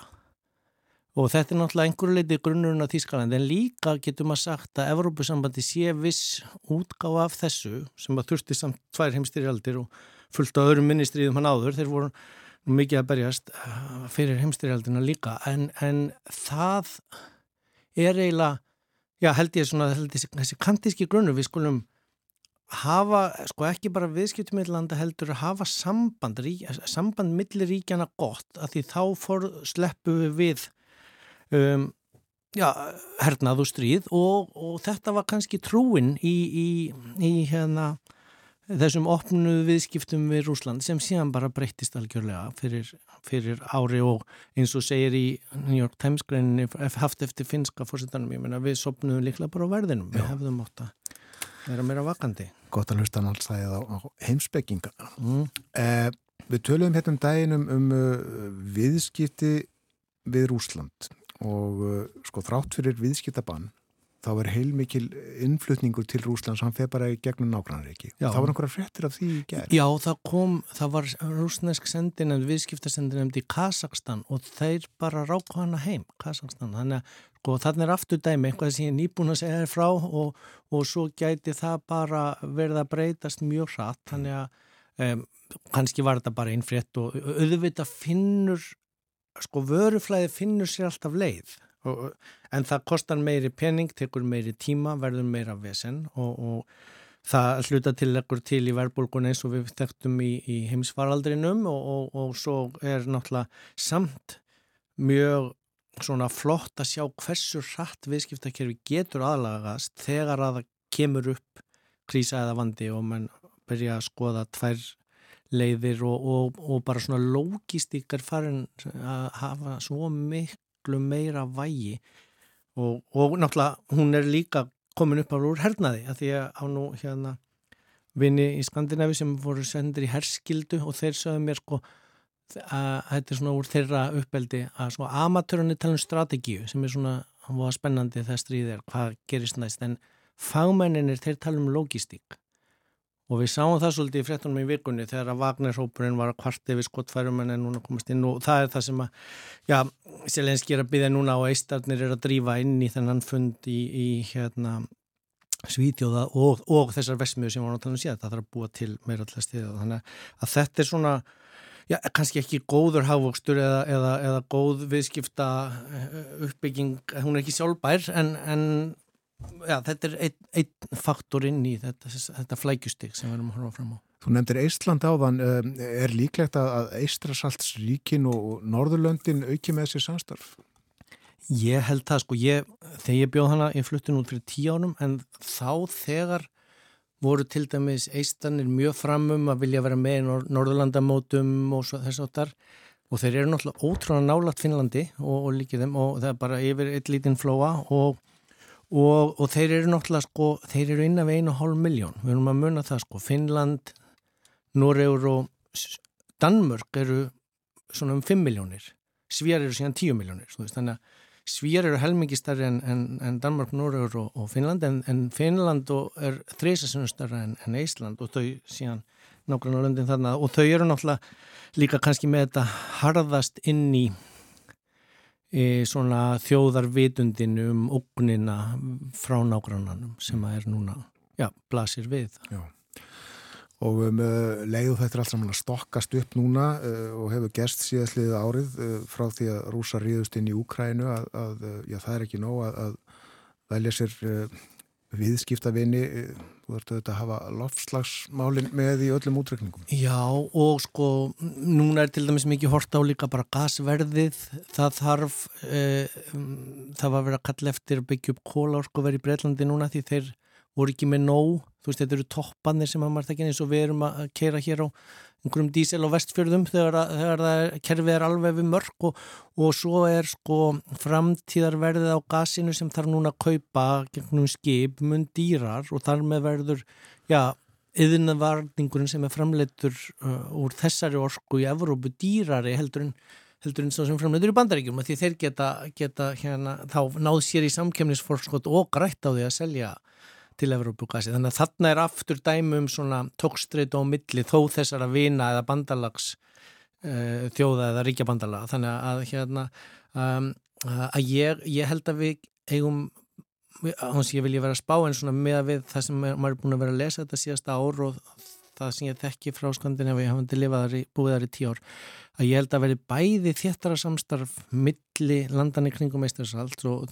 sérstaklega Ísland og Finnland og Svíþjóð, það eru náttúrulega gamlir, gamlir vinnir, hvernig Noregu líka síðan kemur inn í þetta. En svo held ég að hljóti að verða þróun allavega meðan að, með að bætin er við völdu og kemur ekki einhver annar eins og Trump þar að þá held ég að hljóta verða þróun eftir því sem það verður sérstaklega svona harðar og erfiðar við Kína að það verði leist úr þessum málum á milli bandaríkjana og Evrópu á svona einhvern góðan hátt eins og við sáum nýlega í Vinsor uh, samkómuleginu sem Sigrun Davids var að fjalla hérna um á mándæna að, að sko því, því það þarf eiginlega svona að, að, að lappa upp og láta þetta ganga ef að það á að takast já, bæði að ljúka þessu stríði einhvern veginn einhvern tíman og líka síðan takast á við náttúrulega stóru, stóru verkefni varðandi lofslagsmanna En uh, herrgagnaframleðendur græða? Já, ég, ég hérna ætlaði nú að fá leðrétta samt að koma í frétt hérna á mándaginn upp úr, úr sprengisandsviðtælinu. Ég saði óvart þar með stútu mér að hagnaða landsvirkjunar hefði aukist vegna hækkas álverðs en álverð er búið að lækka frá því stríði byrjaði. Hvort að fari að hækka síðan núna eh, á eftir að koma í ljós en, en það er alveg ljóst að viðskipta kjör Íslands eins og það heitir bæði orkuverð og uh, fiskverð og það sem við erum að flytja út um, eftir að COVID svona uh, sjallaðist og, og síðan eftir að stríði byrjaði þá verðbólgan kom, þá hækkaði það í verði. Þannig, þannig að við, við erum í, í luxustöðum að ber sama við bara já, um, þjóðarhægin og, og sko uh, ríkisfjármálin eins og í Íslandi, það er 20% verðbólga, það er verið að auka, það er hernarútgjöld uh, og uh, samt að takast á við, já, að hjálpa vinnunum í, í, í nágrenninu og verjast í að það verið komið inn. Þannig að það tókst þetta eins og við vorum að fjalla með byrðirnar, hver mikið á að senda af skotum til Ukrænu, hver mikið þarf að fylla á lagarana í heimalandinu bara til að vera örgur. Þannig að, að er, þetta, er, já, þetta er mjög svona furðulegt að vera komin í, í hérna, viðskiptaumfjöldinu sem að er já, bara að mestu leiti í, í einhvern veginn svona skringilegri sem, já, í tíma sem maður held að vera liðin, sko, að það þurfa að vera að framleiða uh, hérna hundruð þúsunda sprengjuskota til að vera að skjóta þarna á milli landa bara í bakgarðunum á Evrópu og annað svona því tengt út frá ef við, ef við höldum okkur aðeins sko varðandi tókstreitunni Kína og varðandi Tævan að, að það sem ég var að nefna með að bandaríkjuminn var að flytja framleiðsluna til sín eins og á örgjörfum sem að þarf bæði í, í, í flóknu sprengjuskotin og skriðdrekan en líka bara í alla bílana og þvótavelarnar að, að, að Tævan framleiti eila bara alla örgjörfa í, í heiminum en núna er verið að setja upp þá framleiðslu með ríkistunningi í bandaríkjónum og hérna og veistu það er eitt evrópst fyrirtæki sem er á listanum yfir tíu verðmætustu teknifyrirtæki heimi og ég hafði aldrei heyrt um það þannig að ég ætla að rekna ekki með að þú hafi heyrt um það heldur. Uh, en þannig eru þú veist þessi þessi stóru uh, Google og Intel Amazon og all þessi stóru teknifyrirtæki sem við tekjum en allt svona meira og minna amerisk fyrirtæki svo er eitt og eitt hérna uh, uh, uh, tævanst örgjörfaframleðislu og eitt kynvest og svo náttúrulega Samsung frá Suðukoru en, en það evrópska sem ég held að fæstir hlustendur hafa hirtum er ASML þetta er eina evrópska fyrirtæki sem er á listanum með tíu stærstu teknífyrirtæki heimi og veistu hvað það gerir? Nei. Það nefnilega býr til búnað til að framleiða örgjörfana og, og þarna er svona já, dæmum einabreitingu þar sem að hefur verið kvartæfi með Evrópu að það væri eftir á, væri ekki nóg eitt en, en um, það er mjög mikið eitt í rannsóknu og þróun og nýskupun og það er síðan þá Þetta lærði ég líka þegar ég var í Svíþjóð, sko. Það eru alls konar fyrirtæki, þá var ég með leiðanda sem var að framleiða vesmiðju búnað til að búa til gísladiska, pressur. Þetta, þetta er svona henn gamli yðnaður og Evrópa er held ég þarna eins að koma mögulega stertinn eins og með þessu fyrirtæki. Því nú þarf að byggja upp örgjörfa vesmiður bara út um, út um Evrópu og Ameríku og eflaust í Indlandi líka og fleiri stöðum. Hva, hvað slegst er þetta fyrirtæki? Það er bara í Evrópusambandinu, ég er ekki alveg með bakgrunnsupplýsingarnar. Nei. Ég sá þetta bara á góðu grafi í Financial Times í morgun. Ég skal koma staði þann. En það, það er ekki bara vörur sem þarf að framlega, það þarf líka að framlega tæki til að framlega vörur. Mm. Við erum að tala um verðbólguna í heiminum eftir tvær vikur þegar kemur ykkar næst, nefnum það og í, í framhaldinu það fer fram sérstök umræða á alþingi í dag um verðbólgu og stýrivaksta hækkanir og það er Lógi Már Einarsson sem er málsæfjandi þar og efnaðas og fjármálar á þeirran til ansvara Bjarni Benditsson verðbólgan hefur aukist hérna, er það almennt línan? Já, það, það er verið að búast við hækkunum vaksta út í heimi en það er líka verið að segja að það má ekki hækka vextin og mikið því þá geti hafkerfið krassast inn í þannig að það var allavega góður nýr tóttn í þessu og ef ég má nefna að sko fórstjóri gildi sem var að gaggrina háu launin líka, nú þarf ábyrðin að koma frá fyrirtækja eigandum og stjórnendum til að við náum þessu niður Meira en þetta er eftir tvær vikur. Þakkaði kellaða fyrir í dag Ásker Brynjar framöndan uh, hjá okkur. Frettaði við litt og uh, eftir það uh, verður vera illuadóttir hér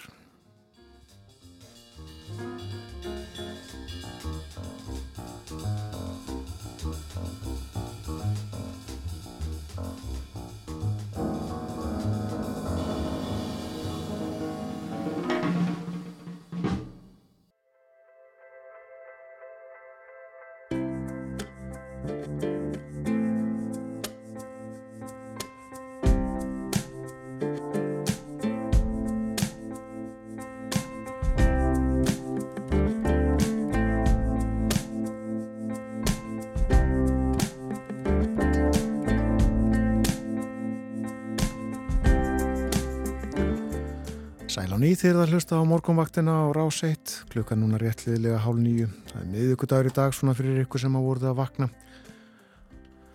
Ásker Brynjar haldin út í daginn og vera eitthvað dóttir og koma sér fyrir við borðið þjómir við ætlum að tala um uh, atvik sem að varð fyrir nýju árum sléttum nýju árum. Þá hvarf flugvel og hefur eigilega ekkert frest síðan. Uh, eitthvað pínlítið þó vera fyrir yfir þessa sögu á eftir.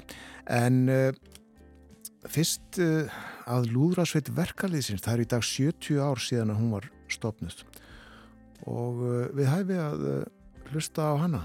Lúðrasveit verkaliðsins, hér er internasjonalinn.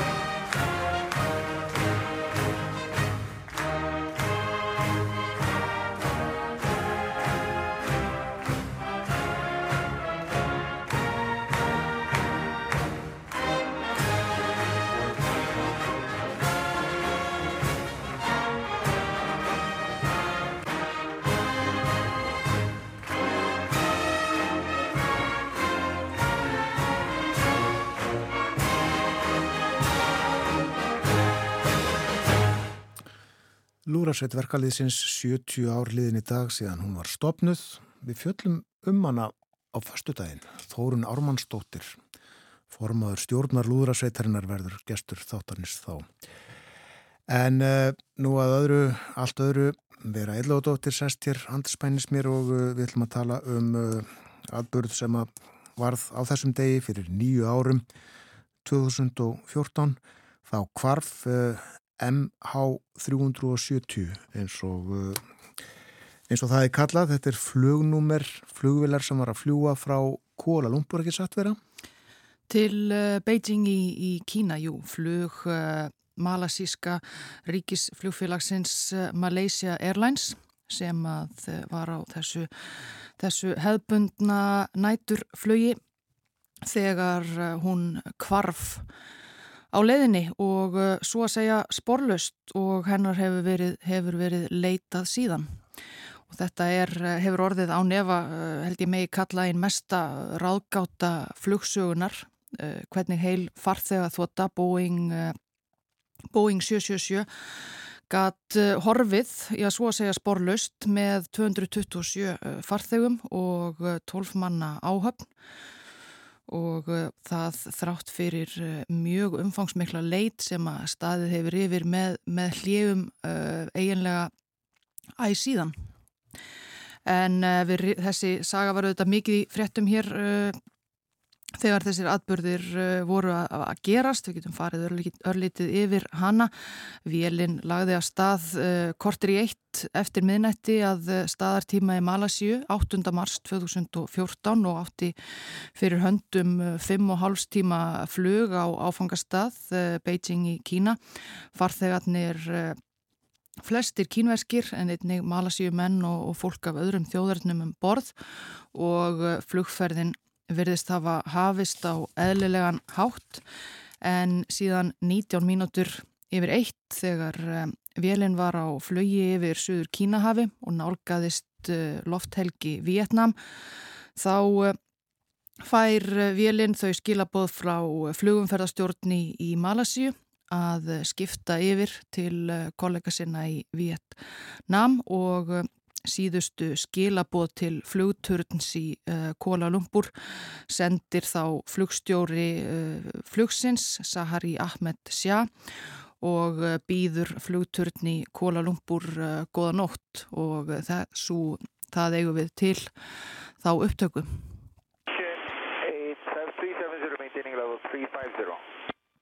Malaysian 370, contact Ho Chi Minh 120.99. Night. Þarna er allt eðlilegt. Þarna hljómar allt eðlilega og flugstjórin býður sem sé góða nótt en tæpum tveimur mínútum eftir þessi skilaboð þá hverfur vélin af eh, Ratsjám í eh, Kuala Lumpur og byrtist heldur ekki eh, hinnum einn í, í Vietnam og næstu mínúturnar svarar svara vélin ekki ítrekuðum til raunum uh, Vietnama til þess, að, til þess að hafa samband við vélina. Og uh, síðan reyndar uh, verða ímsir samskipta vandamál og, og, og miskilningur þess valdandi að það er ekki farið af stað með formlega leit að vélinni fyrir en eftir uh, nokkrar klukkustundir. Um það byl uh, í morgunsárið þegar að hún hefði átt að vera að lenda í Beijing og eh, þá er uh, fyrst byrjað að leita aðinni uh, þar sem hún, hún kvarfa vratsjám þarna yfir uh, suður, suður Kínahafi millir Malasi og Vietnam og sendar flugvelar og, og skipa skema eftir henni þar. En síðan smátt og smátt næstu, næstu klukkustundir og næstu daga þá, þá kemur ímislegt í ljós sem að breytir, breytir sögunni talsvert. Malasíski herin Eh, gefur upp upplýsingar úr sínu hér ratsjárkerfi sem að bendir til þess að eftir að sambandið hafi opnað við vélina hafi hún uh, vikið verulega af uh, sinni fyrirhugðu flugleið, tekið uh, svo að segja uppeyju og flóið aftur yfir Malasíu og, og síðan upp Malaka sund þar sem hún hverfur síðan að þessum herratsjám. Og þá var farið að leita í Bengalflóa í Andamanhafi og, og þar um kring. En síðan þá uh, koma einnig fram uh, aðrar vísbendingar úr, úr, úr gerfinhatta samskiptum. Smátt og smátt sem að, sem að benda til þess sem sé að hún hafi síðan já henni hafi verið vísvitandi snúið af leið og, og líklega á endanum stemt beint í, í, í söður og flóið yfir Inlandshaf í einhverjar, einhverjar margar klukkustundir í raun og veru bara í áttað söðsköldslandinu áður en að uh, hann að þvara eldsneiti og þá hefur hún lendi í hafinu. Okkur finnst þetta mjög margt skríti við þetta um, og, og ef við pöksum bara um nútíma tæknina, um, já, þú talar um ratsjárnar, uh, nokkur mörgja vel svona kerfi sem að notu eru og þessi sendar sem við höldum allavega að séu í flugilum og, og séu stöðut að senda merki um hvað það eru. Einmitt og það verðist, uh, það bendir allt til þess að það hafi verið vísvitandi slögt á, uh, á uh, miklu meiri hluta af þeim, af þeim sendum og ýmsum uh, kerfum í, í velinni þannig að henni hafi verið, það var vísvitandi gert að reyna að leina för, henni, för hennar sérstaklega þarna eft, fyrst eftir að hún uh, eftir að hún hverfur. Þannig að einhver í flugstjórnarklefanum hefur tekið þá ákvörðun að leina ferð uh, velarinnar en síðan, síðan held hún áfram að sjást sem sé á, á, á herratsjám sem ekki, ekki reyða sig á sömu kerfi og, og farþegaflugvilar og síðan hefur ímsum ímsum, já það hefur ímistækni verið notu til þess að reyna að komast að því hvert hún, hvert hún hjælt síðan þessu gerfinnatta merki og, og annað en þetta hefur, hefur gríðalegur mannfjöldi og, og farið í að rannsaka þetta frá, frá öllum hliðum á þess þó að, nokkuð sé alveg, alveg vist í málinu. En það er svona talið og líklegt að einhver viti því svona? Já, það er, uh, það er spurningin, mögulega eh, einungis einhverju sem, sem nú er á, á botni Suður Indlandshafs, uh, svona svo helsta kenning sem að flestir aðhyllast er að flugstjórin sjálfur, Sahari Ahmed Shah, hafi, hafi ákveðið að, að Já, stitta sér aldur og öllum sínum farþegum og áhöfn á, á þennan hátt með því að, með því að fljúa vélinni hreinlega út í buskan. Af hverju veitum við eh, nákvæmlega ekki en það er svo kenning sem að flestir aðhyllast eh, af því að, eh, því að það bendir, til, bendir allt til þess að einhver í vélinni hafi, hafi tekið þessar, þessar ákvarðanir og auðvitað búið að rannsaka, rannsaka ítalega alla, alla farþega sem voru um, voru um borð hvort að einhver hefði geta rænt vélinni eða, eða slíkt. En flugstjórin sjálfur þykir vera svona, svona grunnsamlegastur þeirra allra að þessu hallast sem sagt flestir ekki því að þarna hafi verið um einhverjar hernaðar eða leini þjónustu aðgerðir eða hríðiverkið eða eitthvað slíkt?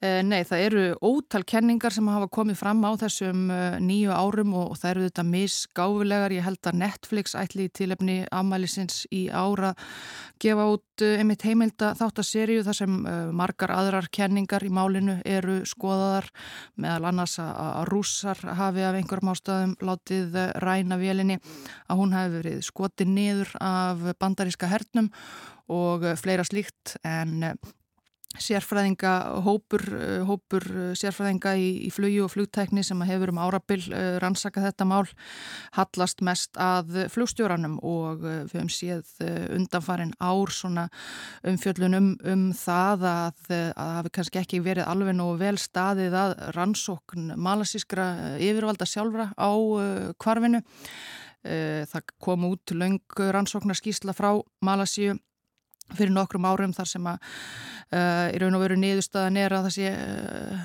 það sé ekki takt að segja um hvað þarna átti sér stað og, og hvers vegna vélinn kvarf og það er meðal annars svona þykir verið að fara þetta alltaf mjúkum höndum bæði um uh, bæði um svona flugstjórnar flugstjórnar yfirvöldi í Malasíu og sömuleiðis um flugstjóran sjálfan það er sagt í skýrslunni að það sé ekkert sem bendir til þess að hann geti eh, haft eh, nokkuð óhrind í pokahorninu. En eh, síðan hafa komið fram vittni sem, sem að segja að hann hafi verið nýskilinn og, og sínt merki þess að vera þunglindur og, og, og fleira, fleira sem að komið hefur fram um þennan flugstjóra sem að ekki, sem að yfirvöld yfirvöld tóku ekki með inn í, inn í sína skýrslu og það hefur uh, auðvitað verið leitað og leitað og leitað. Það hefur verið leitað, uh, fyrstu, fyrstu tvo mánuðina var, var leitað úr lofti að einhvers konar braki á, á næri 5 miljón ferkilometra svæði. Síðan hefur þetta verið leitað á hafsbotni, þetta svæði þar sem að, þar sem að reikna hefur verið út að flugulinn hafi líklegast, uh, líklegast farið niður í hafdjúpið, það er ekki ríðarlega afskjækt lengst út í söður Indlandshafi þar sem að, þar sem að fá, fá uh, skip leggja leið sína og uh, mjög íllfært íllviðrasamt uh, og djúft, uh, mjög djúft. Þar leit, þar var leitað, uh, leituðu malasjumenn og ástralir á um 120 ferkilometra hafsvæði og fundu ímislegt, fundu tvö skipsflög frá 19. öld og unnu mikið þrekvirki í kortlagningu á þessu, á þessu afskekta hafsvæði, leituð á alltaf fjögur, fimm kilometra dýpi en fundur sem sé ekkert, eh, ekki tangunni tétur af, af vélinni og þeirri leit var hægt 2017 eh, en síðan hefur eh, bandarist, svona, bandarist fyrirtæki Ocean Infinity sem að sér hefur sig í, í leita á hafsbótni og tækni til þess Það bauðst til þess að halda leitinni áfram 2018 gerði þann samning við malasísk yfirvöld að þau tæk, fyrirtæki tæki ekkert fyrir nema ef að vélinn fyndist.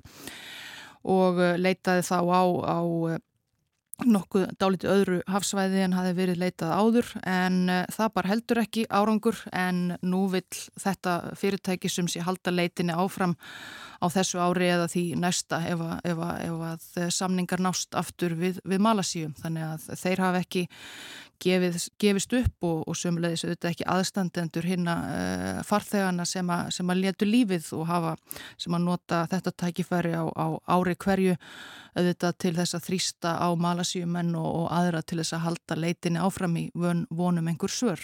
Og það er uh, notaður auðvitað nýjasti búnaður? Nýjasti búnaður og, og sífælt verða uh, það er ekki hvaða kafbátur uh, sem er eða hvaða tæki sem að, sem að getur uh, leitað á þessu svæði og, og farið svona djúft en það eru sífælt að, sífælt að bætast í, í vopnabúr þessa, þessa, þessa leitarfyrirtækis og þeir segjast allavega í ár teljast, telja ástæðu, ástæðu til þess að halda leitinni áfram og einhverja nýjar vísbendingar sem að, sem að hafi komið fram eða nýjir útreikningar sem að getu gagnast í því. Það er alls ekki svo að það hafi uh, ekki fundist uh, tangur nýja tétur af velinni, ekki þarna í Indlandshafi en svona 2015 þá rak lítinn uh, brak bút á landi Reunion eiginni í Indlandshafi sem að staðfest var að væri úr, úr vang uh, vélarinnar, fannst bara á henni einhver, einhver númer sem að, sem að bendu, bendu til þess og uh, síðan hefur uh, já, talsvert af braki rekið á, á land á, á eigum í Einlandshafi og sömulegis fundist á, á ströndum Mósambík og mikið á ströndum Madagaskar.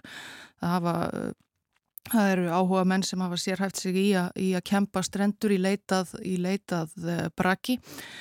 Þannig að það er nú ekki allt staðfest að hafi komið úr akkurat, uh, akkurat þessari flugvill en uh, eitthvað af því allavega. Þannig að já, það svona staðfestir allavega að vélinn hafi endað í, í sjónum og um, ekkert á þessu braki uh, sem að bendir til, það verður ekki fundist, fundist neina ummerki um að það hafi verið eldur í, í velinni eða, eða hún hafi verið sprengt í loft upp eða, eða eitthvað. Þannig að það er ekki engin, engin beinsvör önnur að finna þar. En en líklegast þá hefur hún enda þarna og, og, og, og þetta brak síðan borist smátt og smátt með, með hafströymum. Hún hefði farið heil í hafið. Indlands af ógnarstórt uh, í vestriðar Afrika, Madagaskar, já, uh, Somalia, Mosambik, uh, fleiri Afrikuríki. Indland í Asíu í norðri og í austri Ástralja, Eiálfa og uh, fyrir sunnan er svo Suðskustlandið. Þakkaði fyrir þetta þessa yfirferðvera eitthvað MH370 NO fundin.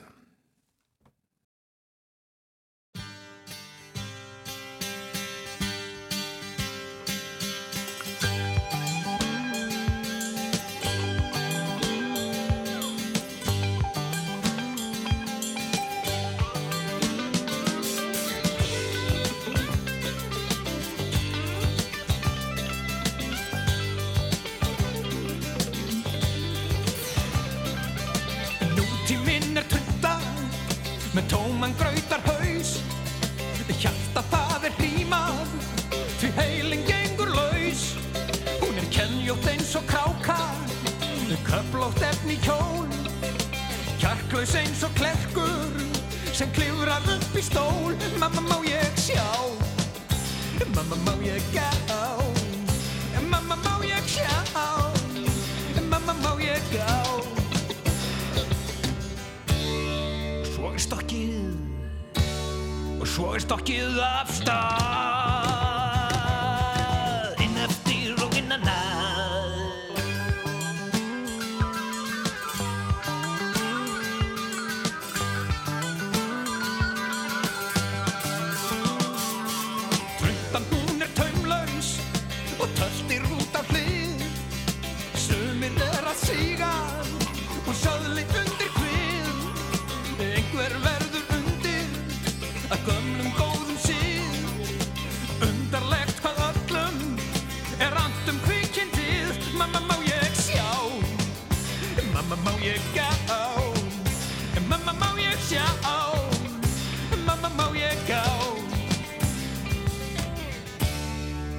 er stokkið.